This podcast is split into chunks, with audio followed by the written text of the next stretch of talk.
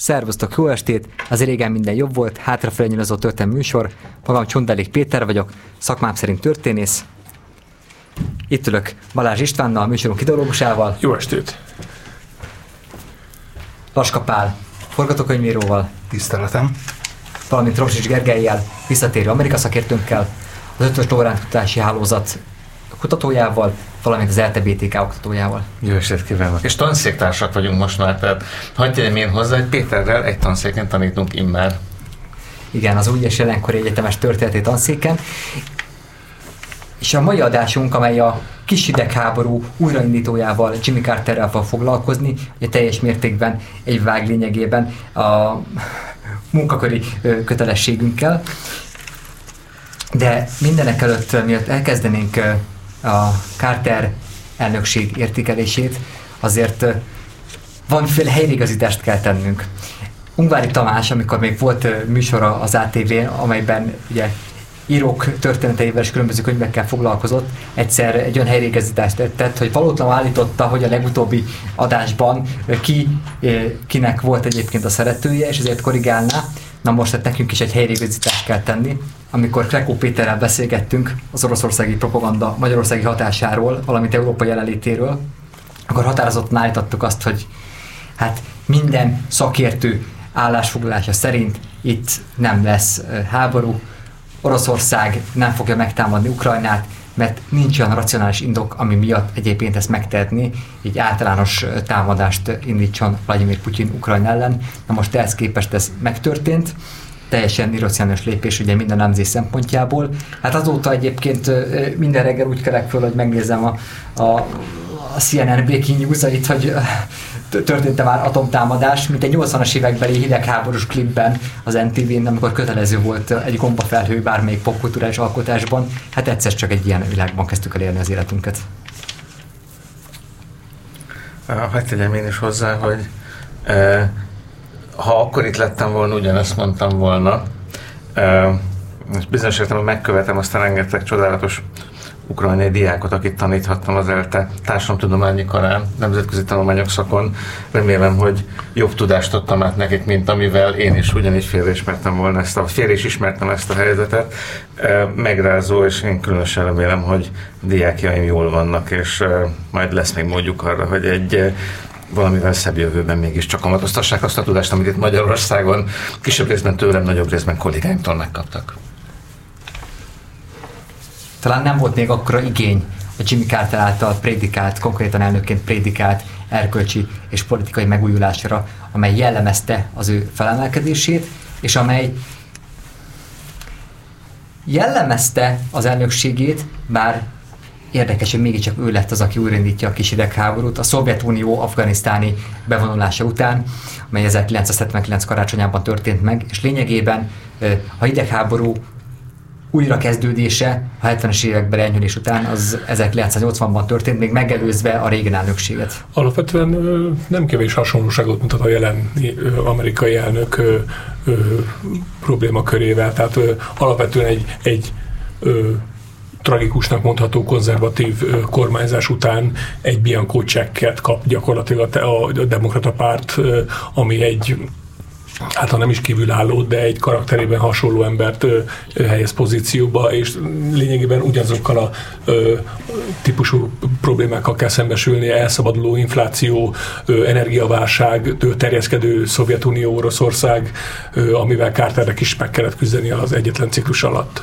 Hát annyira, hogy a konzervatív sztártörténész, akit én nagyon kedvelek a provokatív fejtegetései miatt, Niall Ferguson nem régiben napokkal ezelőtt írt is egy cikket a Bloombergben, hogy ha bár egy évvel ezelőtt mindenki azt találgatta, hogy most akkor Franklin Delano Roosevelthez vagy Lyndon Johnsonhoz érdemes inkább hasonlítani a Biden elnökséget a nagy társadalompolitikai víziói miatt és a szociális reformjai miatt. Végül egyszer csak a Carter elnökség problémái közt találta magát. Ugye az elszabaduló infláció, ami részben a gazdasági problémák miatt adódik, részben a nagy osztogatás miatt, amelyel kezelni próbálták a a koronavírus járványnak a negatív következményét, részben az, hogy itt olyan, olyan külpolitikai kihívás érte az Egyesült Államokat, amelyet az 1970-es évek vége óta ugye nem történt meg. Úgyhogy a műsorunk végén mindenképpen érdemes lesz kitérni erre a Carter-Biden analógiára, megvizsgálni, hogy ez mennyire érvényes. Lukás György mondta azt, hogy az analógiás gondolkodás az, az mindig félrevisz, és Lenint követve mindig egy konkrét helyzetet konkrétan kell elemezni, de azért szerintem egyébként, hogyha párhuzamokban gondolkodunk, az valamennyire mindig megvilágító tud lenni, legalábbis egy egy vita alatt. Persze, meg természetesen, amikor analógiákat keresünk, az nem azt jelenti, hogy a kimenetele is az lesz a hasonlatnak, ami, ami a, a, a hasonlat tárgyát. De szempli...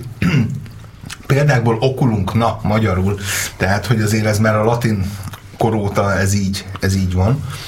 A másik analógiám az Carter felemelkedéséhez kapcsolódóan az itt a magyarországi választáshoz kapcsolódik, mégpedig, hogy valamennyire látok hasonlóságot Márkizaj Péter felemelkedése és Jimmy Carter elnökjelölté válása között.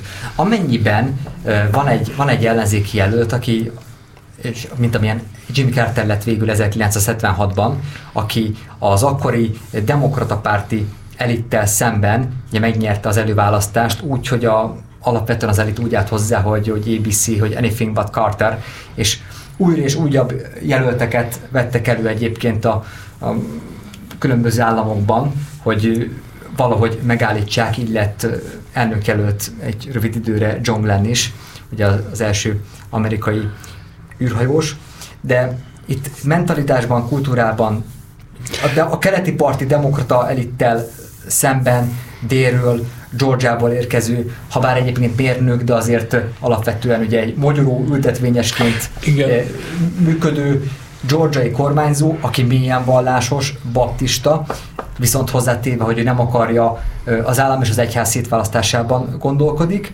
és ő egy populista politikát testesít meg, aki valamennyire a 19. század végétől jelenlévő populista hagyományokat érezt, éleszti újra a 70-es években, vagyis, hogy Washingtonnal szemben pozícionálja magát, és a politikai és erkölcsi válság keretében ő az új ember, aki ugye elindul mondhatni, hogy ugye amennyiben az Ózda csodák csodája 1900-ban ez egy populista regény, vagy egy populista ö, ö, szimbolikus regény, ahol végül ugye a, a, a bádog ember, aki a kis munkást testesíti meg, a, a madári esztő a, a farmert, és hogy a gyávor oszlán pedig az a populista vezető, aki végül magára talál és összedi a bátorságot, hogy elmenjes Maragvárosba, honnan a zöld hasú a dollár származik. Ugye, meghódította Carter Washington-t. Ugye azért a, a két politikai út azért is, ha már az analógiáknak a buka, vagy a hibáiról, analógikus gondolkodás hibáiról beszéltünk, bár párhuzamosítható a két politikai pálya, de azt gondolom, hogy mondjuk az Egyesült Államokban maga a politikai rendszernek és az intézményrendszernek a méreténél, méretéből fakadóan is ott olyan hosszú utat és olyan, olyan létfontosságú állomásokat kell bejárni ahhoz, hogy az ember a Fehérházban találja magát, ami mondjuk Magyarország méretű ország esetében, mondjuk MZP esetében ez nem feltétlenül van meg. Tehát az, hogy mondjuk egy vidéki város polgármestereként indítod a karrieredet, és rögtön utána a miniszterelnök elnöki székben repályázol, ez nem alapozza meg azt, a, azt amit mondjuk az amerikai ö, ö, ív, az ugye Carter szenátor volt, aztán kormányzó, és utána De, lett, utána lett elnök. Tehát ezek olyan fontos ö, lépcsőfokok, amik, amik, amik egyszerűen a,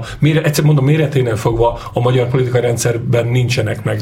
Ezzel egyetértek, de és ez biztos, hogy így van, ilyen értelemben ez a fajta kívülről jött ember kép, ez valamennyire egy mítosz. De ha azt viszont érdekes párhuzamnak, és valós, és olyan szempontból szerintem a magyar-amerikai helyzet párhuzamba is állítható, és közelebb áll bizonyos értelemben Márkizaj Péterhez Carter, mint Bidenhez ebből a szempontból, hogy egy olyan szavazói sokaságot tud megszólítani, és ez egyébként még Bill Clintonra is igaz volt, ami, ami egy picit egy másfajta koncentrációt tesz lehetővé, és ez, ez teszi megválaszthatóvá. Tehát alapvetően sok baloldali városi szavazat, és bizonyos mennyiségű vidéki, azoknál konzervatívabb szavazó egyszerre érezheti komfortosnak azt, hogy erre a jelöltre adja le a szavazatát. És ez nem, ezek nem szoktak tartósan megismételhető sikerek lenni, tehát a demokrata párt soha nem tudta létrehozni azt, amit egy Carternél egyébként úgy hívtak, hogy az új dél. The New South. Egy olyan dél, ami vallásos, gyakran baptista, kisegyházas, de elfogadja az emancipációt, elfogad, erre egyébként valóban volt a déli fehéreknél is fogadókészség, elfogad egy szociálpolitikát.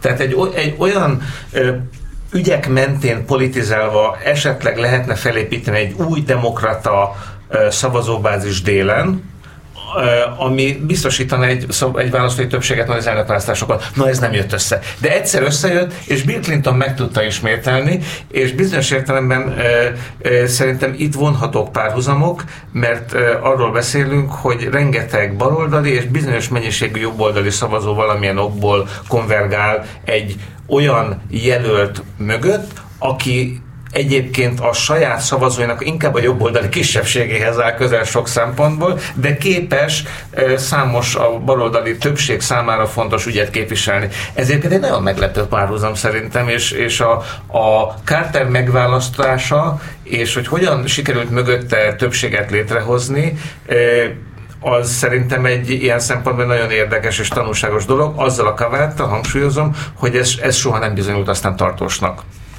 És ebből szempontból ugye Georgia Georgia esetében ugye a kormányzót nem választják újra, vagy ugye limitálva van, hogy hányszor lehet egyébként újra választani. És ugye 1974-ben lejárt a mandátum a Jimmy Carternek.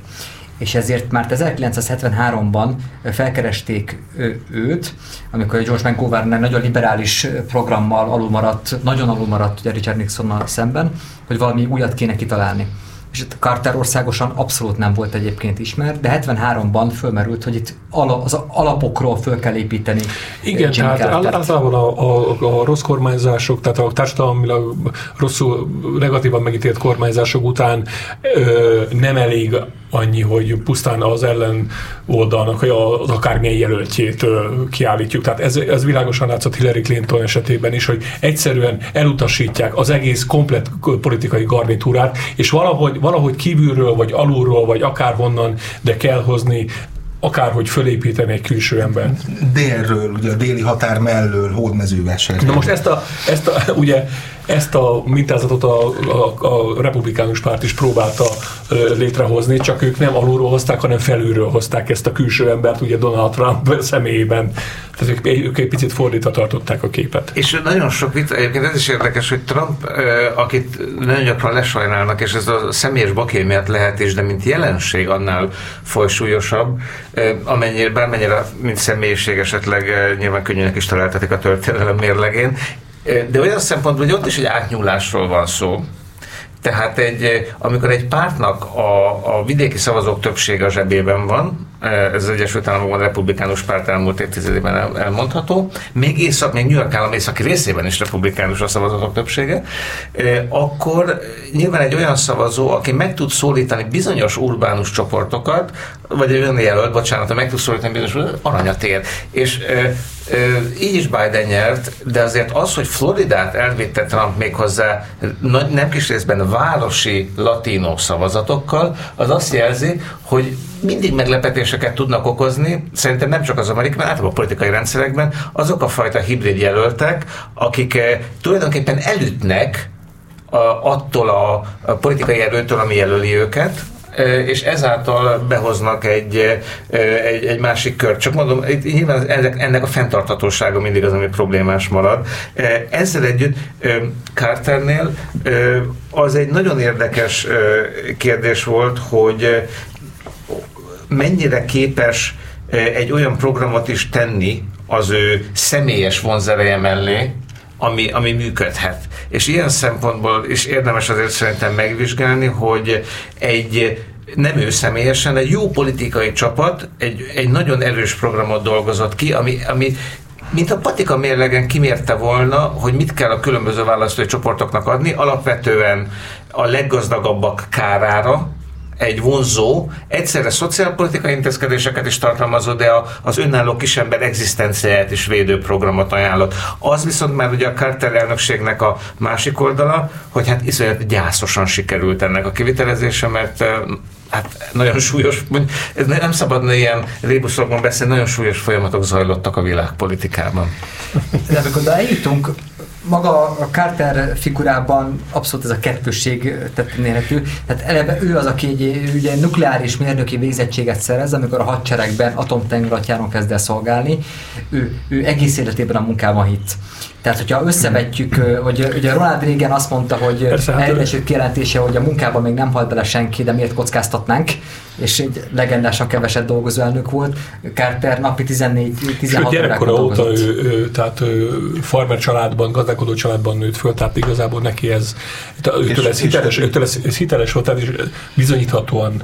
És hát ugye édesapja betegsége miatt ö, hagyta ott ugye a hadsereg, illetve hát a haditengerészetet, és azért ugye a farmal tudjon foglalkozni, de hát ugye még 53-54-ben ugye egy kanadai nukleáris leolvadás megakadályozása is ugye köthető a, a nevéhez, aki mondjuk azt, hogy egy kiélezett szituációban, aminek mondjuk ugye a teljes amerikai nyugati part nukleáris sivataggá válása volt a tét, akkor hozott egy olyan döntést, hogy ö, sikerült megállítani a, ö, ennek a kísérleti atomreaktornak a felrobbantását, és hát egyrészt ugye a, akkor a kísérletek azért helyeződtek át mondjuk a neutronbombára, ahol nem ö, nem merültek fel ilyen jellegű ö, problémák, másrészt pedig ö, bebizonyította, mint ugye elnöksége alatt ugye a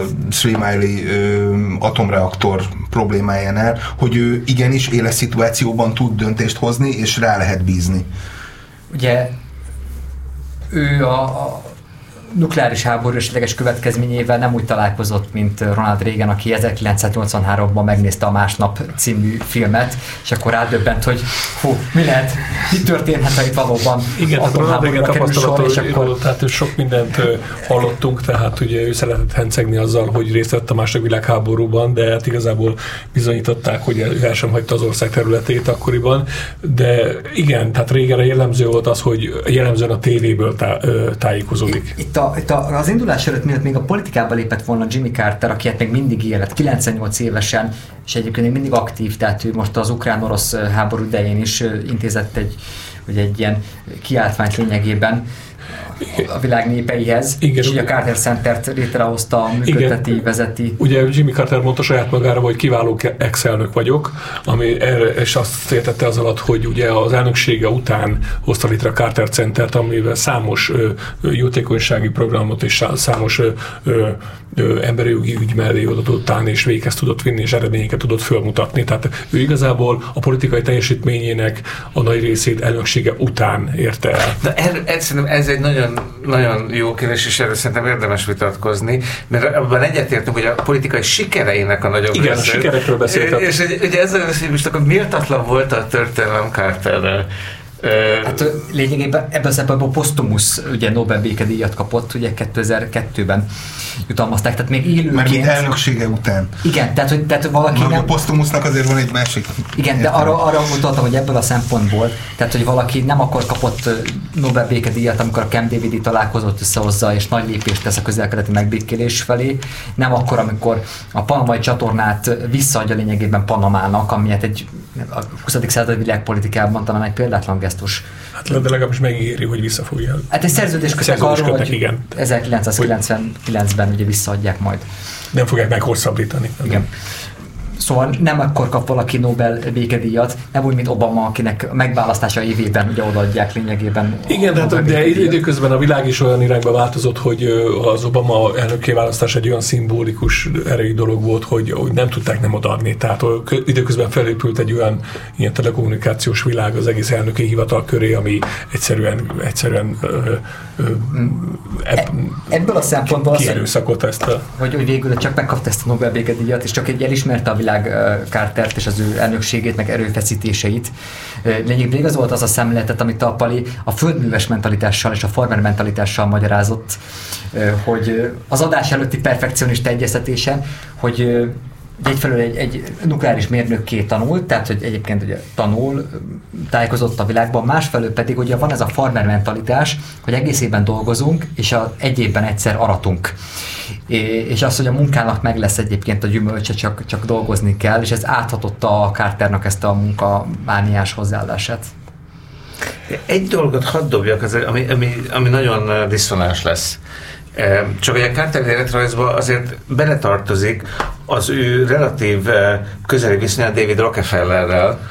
Persze, igen. Tehát, hogy a külpolitikai tapasztalatért az a, a rajta keresztül. Így van, és a, ugye, aki csak hogy világosan kiről van szó, itt az amerikai pénzvilágnak. Tehát ő talán az utolsó igazán fajsúlyos Rockefeller, nem az utolsó olyan Rockefeller, aki, aki még a gazdaságban és a politikában is egy igazi megcsináló ember, és ő nem csak a Manhattan Chase banknak az elnöke, hanem a trilaterális bizottságnak is alapítója, és csak hogy Nyilván nem tudom egyébként nálatok szóba került-e valaha a trilaterális bizottság. Én annyit hadd lábjegyzeteljek hozzá, hogy ugye az összes amerikai szélsőjobbos összeesküvés elméletben ez a szabadköműveseknél a hárommal rosszabb, ezek a feketőbe szabadköművesek kb.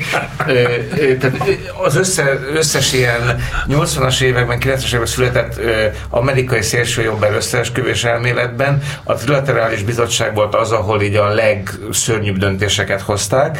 A valóságban itt egy olyan struktúráról beszélünk, ami a Nixoni protekcionizmus után egy egymásra találása fura módon bizonyos progresszíveknek és a nagy tőkének, ami alapvetően felkészül az amerikai hegemónia indián nyarára vagy hanyatlására, és azért trilaterális, a nevét is feloldjuk, nem azért, mert három nagyon gazdag tőkés ül és aranyrudakat emelgetnek, hanem mert Japán és Németország bevonásával szeretne egyfajta új, stabil kapitalista világrendet, tehát az Amerika gyengülését két, ha úgy tetszik, trónörökösnek a békés beemelésével kompenzálni.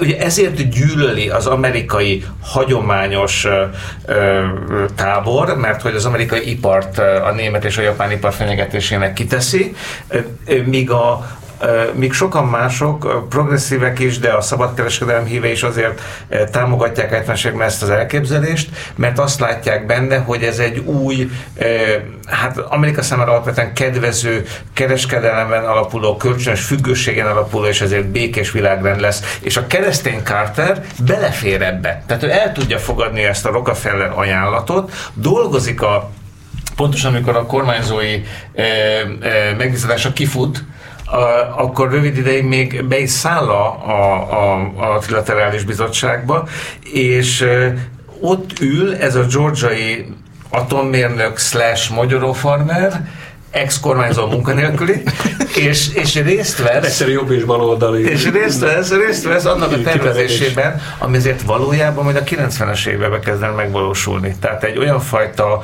e, integrált világgazdasági rendszernek a tervezésében, ami azért mutatja, hogy Carter horizontjai jóval túlnyúlnak a Georgiai magyaró földjein. Én, én nem azt mondom, hogy az ő világképét nem befolyásolta az ő farmersége, csak az, hogy azért minden populista mitosza és, hogy mondjam, hiteles populista be van ütve, tehát a, a populista ilyen igazolványában be vannak ütve a pecsétek, hogy ott termesztett, Georgiából jön, baptista, de azért ott vannak azok a, azok a tapasztalatok is, amik ezen túlmutatnak. Itt meglepődtem, meglepődtem ezen a Nelson Rockefeller David. David Rockefeller? David, ez már David. Ez már David, de jó, bocs, akkor, akkor adta a felvetése, mert azt akartam mondani, hogy a Nelson Rockefeller tanácsadója volt a Harry Kissinger, és hogy... Egyekor, így van. Akkor, így van. akkor alattam. Akkor egy... És sőt, csak annyit akartam még mondani, hogy nem csak Carter volt el, Carternek volt elfogadható ez a trilaterális bizottság, hanem, hanem e, visszafelé is, tehát Carter is kompatibilis volt ezeknek a, ezeknek a köröknek, hiszen egy, egy van az a, a 20. századi amerikai történelemben egy vissza eltérő mintázat, hogy alapvetően kell egy ilyen plebejus a magához el, elnöki hivatalhoz nem feltétlenül kompatibilis a magához el, elnöki hivatalhoz nem feltétlenül ko, ö, kompatibilis ö, kulturális háttérből érkező ilyen szatócsfia-szerű elnök. Ö, azért kell ilyen típusú karakter, mert ö, köré lehet ö, ö, húzni egy olyan ö, tanácsadói réteget, ami ugye Carternél is ez Zbigniew Brzezinski, aki szintén a, ennek a trilaterális bizottságnak volt a tagja, ö, hogy ö, ö, ezek a figurák tudnak egy ilyen ö, karakterében teljesen más figurát mozgatni, a nép felé el tudják fogadtatni, és tudják rajta keresztül érvényesíteni a, a, a szándékaikat. Ugye Cartert az elnökség alatt nagyon különböző tanácsadók vették körül, nagyon, nagyon, a nagyon érdekes stábban dolgozott. Előtte még annyit, hogy ugye 1960-ban megnyeri a, az elnökjelöltséget, és magát az elnökséget, a Avar Jánosnak 1970-ban, ő akkor a Washingtoni tudósító volt, és neki van az Avar, neki a, a Carter útja a Fehérházba című könyve, és nagyon rámutat arra, hogy mennyire profin dolgoztak, hogy egyfelől nyilván a populista jelölt megfelel minden populista image-nek, az a itt vallás, hogy mindenkivel kezet kell fogni, vagy akivel lehet kezet kell fogni, de viszont, hogy kiket tudnak elérni, az első elnökjelölti kampány volt, amikor számítógépet használtak adatbázisokkal, beletáplálva az előző választások eredményeit, és a legapróbb részletekig, a legkisebb körzetekig lebontva látták, hogy hova kell elmennie az elnökjelölt Carternek, kikkel kell kezet fognia, hogy kiket kell egyébként meggyőzni és maga mellé állítania, és ez, ez sikerült. És ez... Hát ugye, ugye ez egy szimbólum, ugye a maga készfogás is ugye a bizalomnak a szimbóluma, annak a bizalom, ami, ami a 70-es évek második felében elég megcsappant a politikai garnitúra iránt Amerikában is, és nyilván ezeket a, ezeket a bizalom, ugye a, a, a, a, ezek a hírhet confidence beszéde Carternek is, ugye, ami a, a, alapvetően az Amerikában dúló az intézményrendszer iránti bizalomhiányról szól. Ha valaki Ö, nem és maga, csak annyit mondja, hogy a Watergate után vagyunk. Tehát igen, igen, igen, Watergate után vagyunk közvetlenül, és nyilván ez a készfogás, mint szimbólum, ez tökéletesen alkalmas arra, hogy ez demonstrálja a politika, hogy itt ismét úgy, akkor tudjuk újra kezdeni az életünket, és akkor, tudjuk, akkor tudunk új vért pumpálni az amerikai álomba, hogy a kinyújtjuk egymás felé a kezünket, és kezet rázunk. Ugye ez 1976 200. évét ünnepelen, ünnepelen az Egyesült Államok, legalábbis a függetlenségi nyilatkozat ugye, kiadását.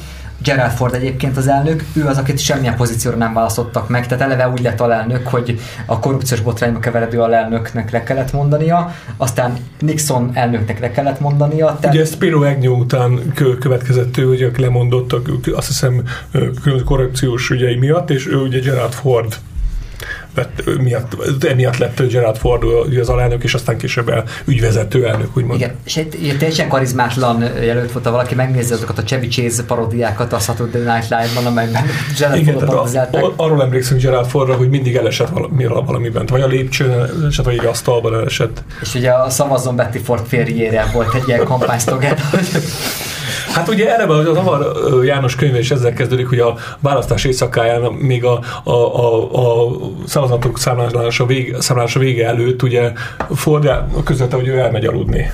Tehát ő, ő ezt nem tudja, nem tudni is kedve ereje be ezt megvárni. Tehát egy, egy, abszolút egy ilyen... Kibírja ezt idegekkel. Egy, egy, egy válságtermék ennek a felemelkedése, az, hogy akkor jön a, és ez egy klasszikus filmes toposz, hogy valaki jön, hogy az egyszerű vidéki men jön, vagy, vagy az egyszerű vidéki ember, ez egy Frank, Frank Capra amerikai állam filmére jellemző, hogy a vidéki ember igen, elmegy Washingtonba, mint a Becsületből elégtelen című filmben, és akkor ő komolyan vesz az amerikai álmot, és egy erkölcsi megújulást Persze, hiszen, hiszen a hatalom folyosói és az ott zajló döntés, az, ott, az, az intézményrendszert valahogy kompatibilissé kell tenni a szavazóbázisra. Tehát, és ez, ezt egy ilyen ember, egy ilyen típusú figura tudja leginkább. Ezt, csak hogy ez milyen mélyen húzódik meg az amerikai történelemben, ha, csak annyit kell, fűznek ezt hozzá, hogy ez, ez egy azóta visszatérő ciklus, hogy a britek ellen vívott más, tulajdonképpen második függetlenségi háború, tehát 1912-es, 14-es brit-amerikai háborúban nem a függetlenségről van szó, de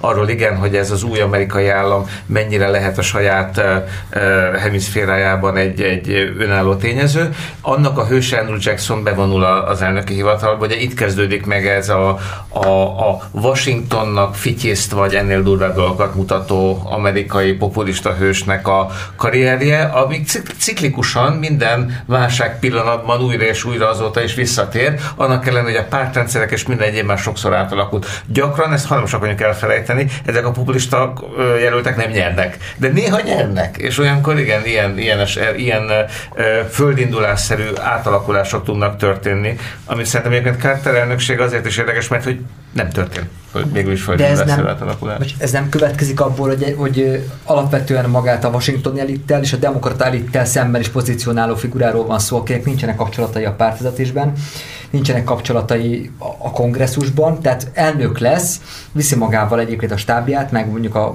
nyilván professzorokkal körbeveszi magát, a Kolumbiai Egyetemről mondjuk a Brzezinski érkezik, de hát kellenek kapcsolatok, és kell egy ugye a, a, Tilos Albert, aki a, a bosztoni polgármesterről írta azt a nevezetes könyvét, hogy a, a miképpen kell egy udvartartás, miképpen kell egy udvar hát, bizalmasokkal ahhoz, hogy egy politikát keresztül vigyünk, és Carternek nem voltak kapcsolatai.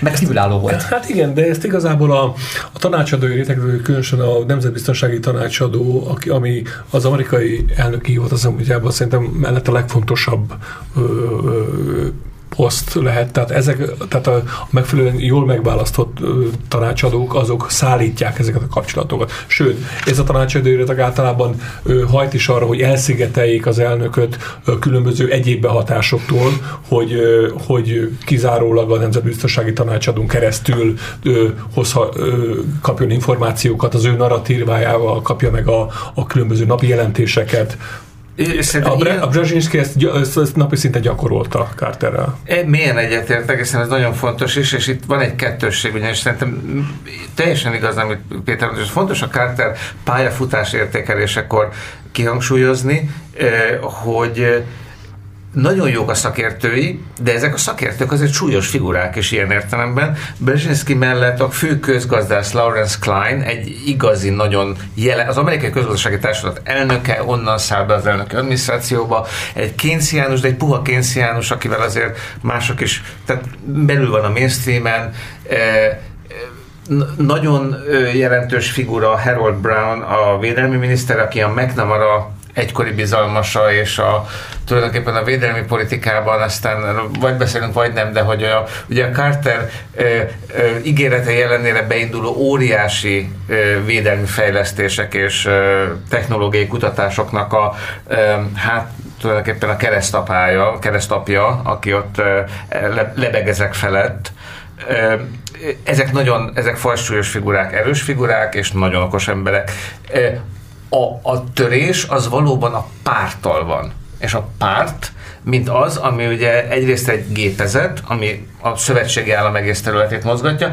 másrészt pedig a hagyományos fellegvárakat, és Georgia nem az ekkor már, hiszen e, ugye e, a, délből, a délről már kezdenek kiszorulni a demokraták, tehát a, a hagyományos fellegvárak, Chicagóiak, a New Yorkiak, ezektől tényleg el van vágva, és e, nem tudom, mennyire haladunk kronológikusan előreugorjak a gyászos végkifejletig, ilyen szempontból, hogy Carter viszonya a demokrata párttal, vagy még meg fogjuk külön beszélni a 80-as választást? Szerintem én, én arra gondoltam, hogy az én koncepcióm az volt, hogy tekintve, hogy a, a belpolitikai programját nem is tudja hogy nagyjából keresztül vinni, a külpolitika, mint hagyományosan elnöki felségterület, abban tudja elvileg megvalósítani mm. saját magát.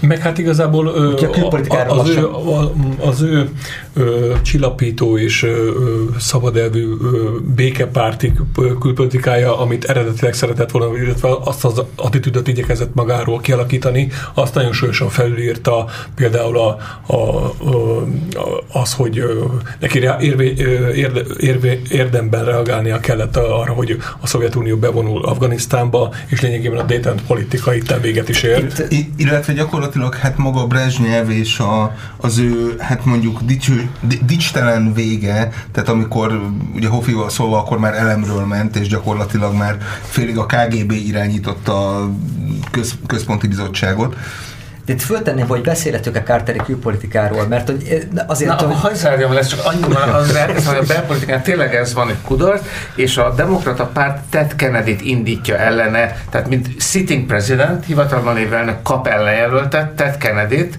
aki alapvetően progresszív vonalon támadja őt, tehát hogy nem elég baller, és dob egy Bernie Sanders-t.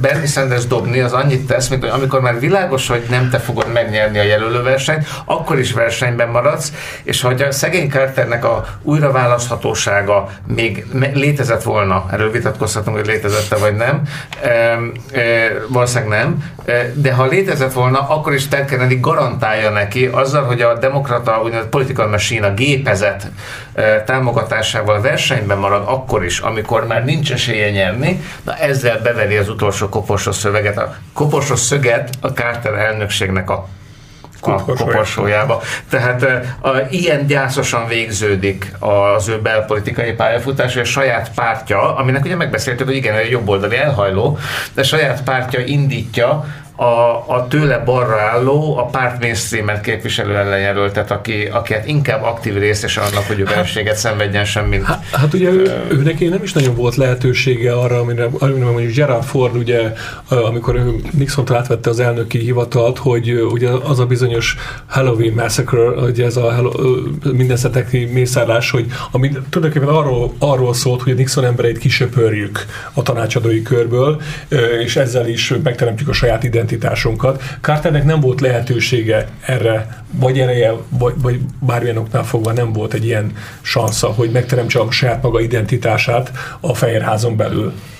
Hát azért ez az identitás probléma azért... Vagy a párton belül azt tettem magát csak a külpolitikát alakító két fajsúlyos figura között, hogy a Cyrus az külügyminiszter, egy, egy galamb, egy emberi jogi diskurzus folytató galamb, és a Brzezinski pedig egy antikommunista Igen, híja. Ez, ez megint az amerikai politikának egy jellemző mintázata, hogy, hogy ugye, ahogy a a, a nemzetbiztonsági tanácsadó az, aki legközelebb áll az elnökhöz, ami a külpolitikát illeti. Általában a külügyminiszteri pozíció felé leginkább ilyen administratív jellegű feladatok vannak kiszervezve. Tehát és a Cyrus Vance tipikusan egy ilyen külügyminiszter volt. Tehát, te, te, te látod a szintézist ebből a tézisből és antitézisből? Nem, nem, illetve egy, egy dologot vetnék föl, ami talán utat nyithat oda, de, de ez egy tökéletlen, hiszen történelemről beszélünk, és a történelem az mindig tökéletes, el, elkötetlen szálaknak a, a, a, a gombolyaga.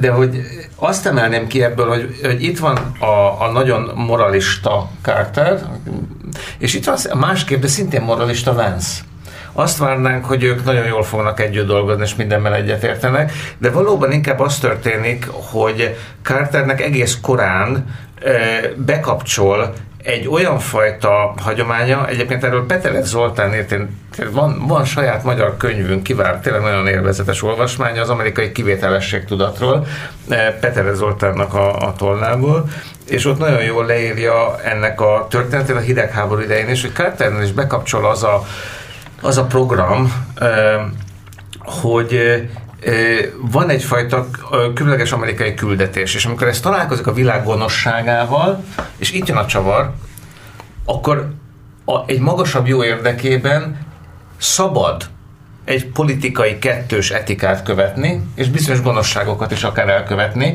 vagy nem jó, nem morális dolgokat tenni egy, egy, egy távolabbi cél érdekében. Ez, egyébként az amerikai politikai etika történetében Reinhold Niebuhr az a evangélikus teológus, aki nem csak az evangélikusok, nincsenek sokan az Egyesült Államokban, hanem az egész amerikai hidegháborús korszakot mélyen befolyásolja a nézeteivel, amelyek lényegében egy manikánus jellegű nézetek, tehát azt mondja, hogy ahogy egyébként az alapító atyák és Winthrop és mások a 17. században már gondolkodtak, valóban vannak a jók és a rosszak, és a jóknak annak érdekében, hogy a rosszakat legyőzhessék, néha bizony kompromisszumot kell költeni a saját lelkismeretükkel. És szerintem Carter ezt magáévá teszi.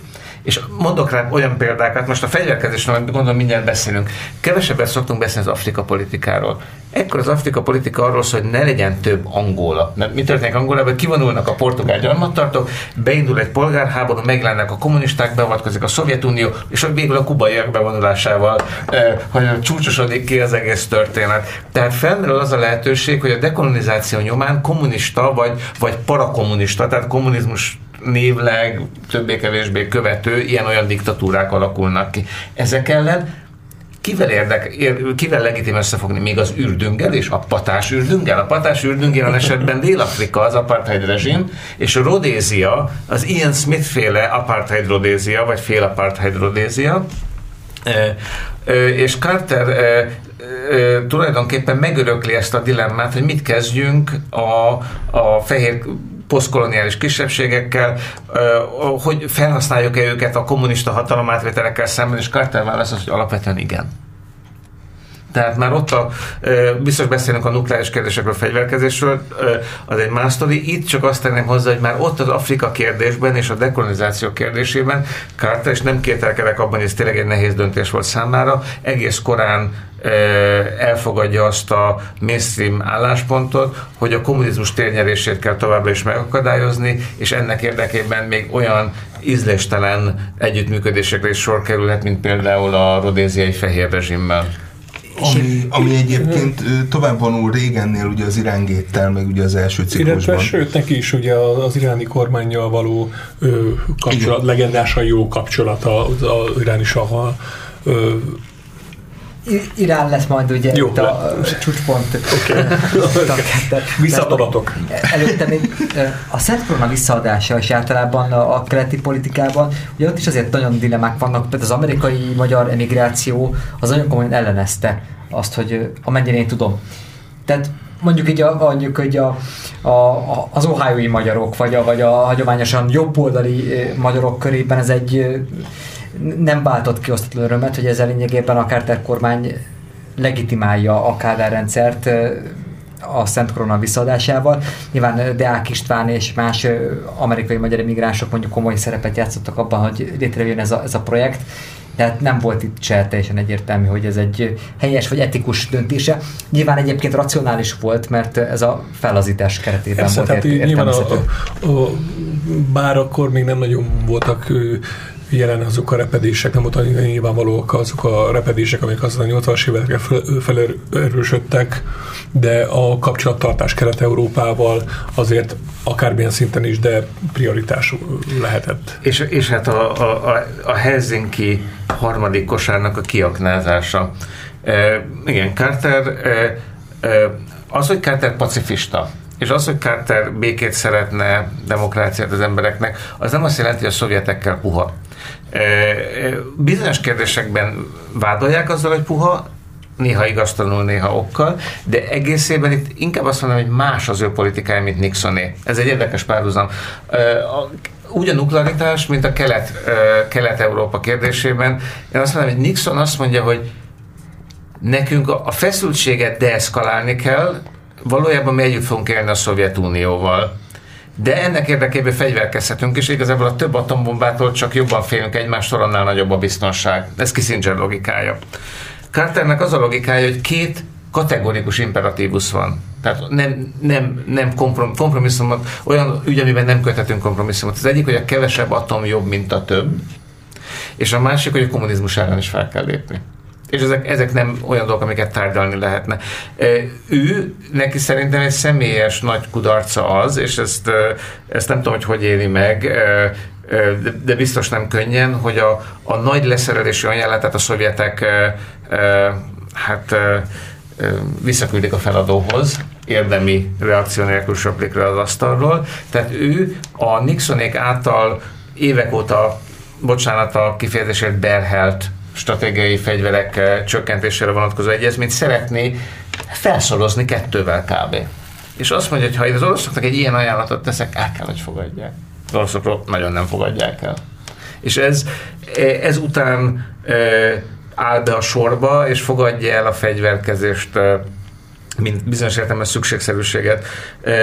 Ez viszont csak erősíti a másik kategorikus imperatívuszt, azt, hogy az emberi szabadság és a lelkiismereti szabadság, aminek egy nagyon fontos fogalom egyébként, ez a, tehát a freedom of conscience, az egy, egy, egy a lelkismeret szabadság szerint egy kulcsfontosságú kifejezés, annak érdekében e, jogos és bizonyos meg kötelező is fellépni. És szerintem ez adja ki azt a fajta kelet-európai karteli külpolitikát, amit nagyon gyakran írnak le ellentmondásosként emberek, bizonyos szempontból nézve az is, de az, ha így nézzük, hogy küzdeni kell az ő szempontjából gonosznak minősülő dolgokkal szemben, és ebben benne van az atombomba is, és benne van a kommunizmus is, akkor, akkor nem annyira azt mondanám, hogy ellentmondásos, mint inkább az, hogy tragikus, tehát a kettő összeütközésbe kerül a pályája elején, és a kommunizmus elleni küzdelmet választja inkább a külpolitikában, nem minden áron és nem minden eszközzel, de elég következetesen, és elengedi az atombomba szembeni, szerintem valószínűleg pontosan az említett fiatalkori tapasztalat miatt valószínűleg nagyon mélyen gyökerező ellenérzéseit. Ezt így egyébként belül sokszor nyilatkozott életéről, interjúkat is adott, írt is, ezt így soha nem olvastam nála, tegyük hozzá, tehát én most extrapolálok az életútból, nem tudom, valójában így volt-e. Hát, 1979-ben a szovjetek afganisztáni bevonulás után ugye ő lesz az, aki ugye elrendeli a Moszkvai olimpiának, az 1980-as Moszkvai olimpiának a bolykotját, Másfelől pedig ugye, ugye és, és, már, és, és már a párhuzamoknál vagyunk, hogy a Biden elnökséggel a nagyon kemény gazdasági embargót, azt, hogy a gabon export tilalmát a Szovjetunióba, ami hozzájárul az ő 80-as belpolitikai bukásához, hiszen lényegében a bázisának egy jelentős részét veszti el ugye azokat a farmereket és mezőgazdasági termelőket, akik a populizmusnak a, az alapját adták És hát ezáltal ugye megtorpan a leszerelési program, ugye a SZÁT 2 végül is nem kerül ratifikálásra, bár az amerikaiak ezt valamennyire azért komolyan veszik ezután is.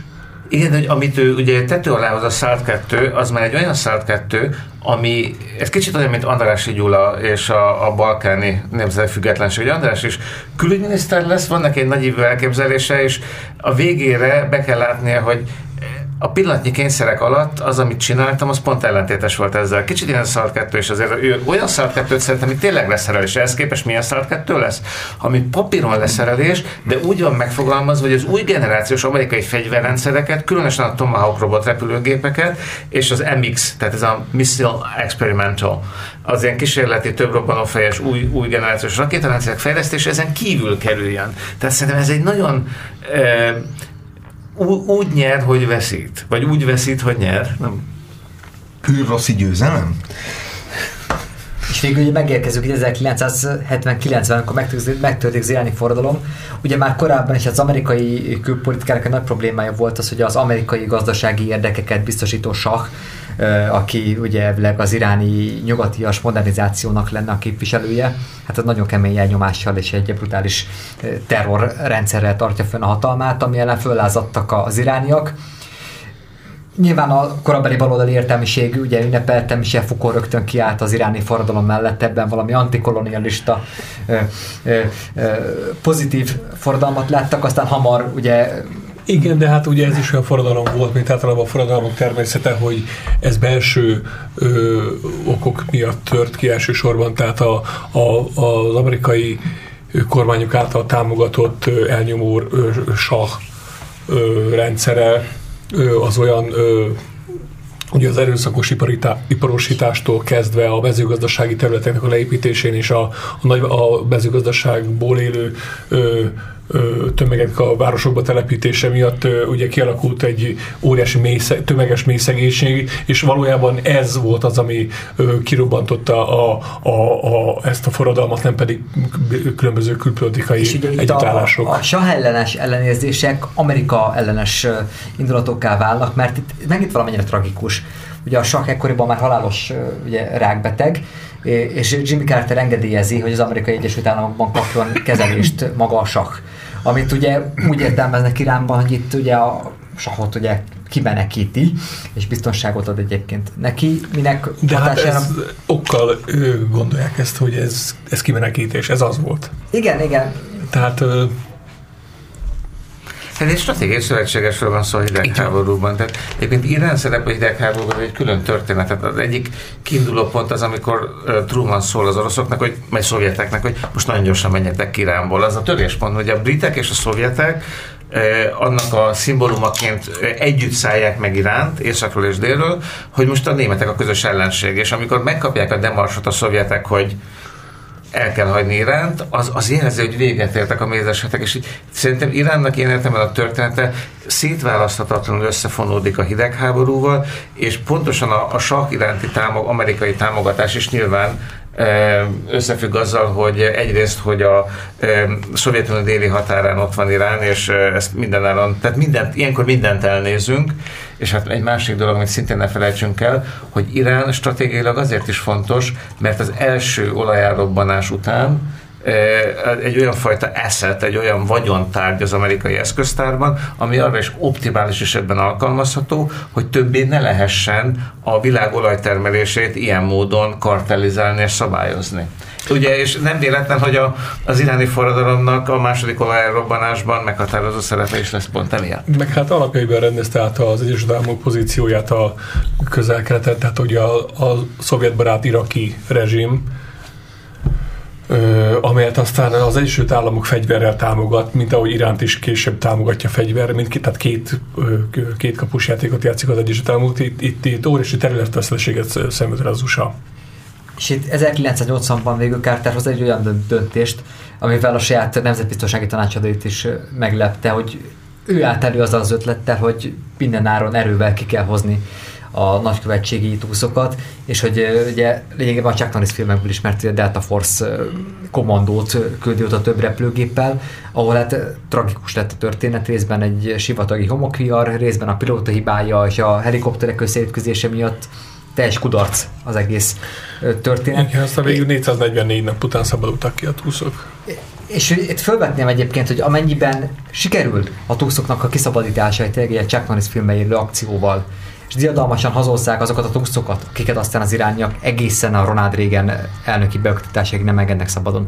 Akkor, Me... akkor a Carternek esetleg a felmagasztosult Carternek lett volna esélye újra megnyerni a választást? Vagy, vagy addigra már... Megnéztem a korabeli statisztikákat. A, az akkori amerikai közvéleménykutatások szerint a választói e, e, fontossági sorrendben az emberek 61%-a a munkanélküliséget emelte ki, mint legfőbb problémát, és csak 15%-a a külpolitikát. Ez, ez, ez azért ezek soha nem bomba biztos dolgok, mert tudjuk, hogy nagyon sokszor embert, arcot, fellépést választanak az amerikaiak, tehát hogyha ha sikerül, akkor lehet, hogy egyszerűen olyan glória alakul ki a személye körül, hogy annak ellenére, hogy a, a megkérdezett embereknek a nagy többség azt mondja, hogy számomra a legfontosabb a gazdaság, és mégsem, mert egy kompetens vezetőre szavaz, tehát a kompetencia gyakran felülírja a választói ö, ö, ö, mondjam, tematikáknak a fontosságát, az issue salience, tehát hogy mely ügyeket tart fontosnak egy-egy választó, de ne felejtsük el, hogy George, idősebb George Bush is megnyerte az iraki háborút, majd amikor a választók úgy érezték, hogy a gazdaságban nagyon rosszul muzsikált, akkor egy fiatal Bill Clinton nevű arkansas tehát a georgiai kormányzó Carterre nagyon rímelő demokratát választottak meg helyette. És még idén mindenképpen lesz Bill Clinton adásunk. Jimmy Carter... Az hát, piros karikás lesz? Legalábbis remélem. Jimmy Carter nagyon, Rá, rádióban nehéz. Szerintem méltatlanul nagyon nagyot bukott 1980-ban, tehát az egy, az egy megalázó vereség volt, és hát az őt pártoló és vele szimpatizáló rockstárok is úgy érezték, hogy ezt, ezt, ezt nem érdemelt egyébként meg ez a valóban. Azt hiszem egyébként jó ember akivel viszont egy, a vala volt talán egyik legkiválóbb Excelnököt e, nyerte meg az emberiség, ki 1990-ban még vátszott és épített különböző e, otthonokat, és hát a Friderikus Showban is e, feltűnt még a 90-es évek közepén. És a mai napig is aktív, és próbált tenni valamit az emberiség közös ügye miatt. Köszönjük szépen, ez volt a régen minden jobb volt. Jimmy Carter elnökségéről beszélgettünk, Raska Pál, Balázs István, Romsics Gergely és Csundelik Péter. Sziasztok! Sziasztok! Sziasztok! Tilos Rádió hírei következnek.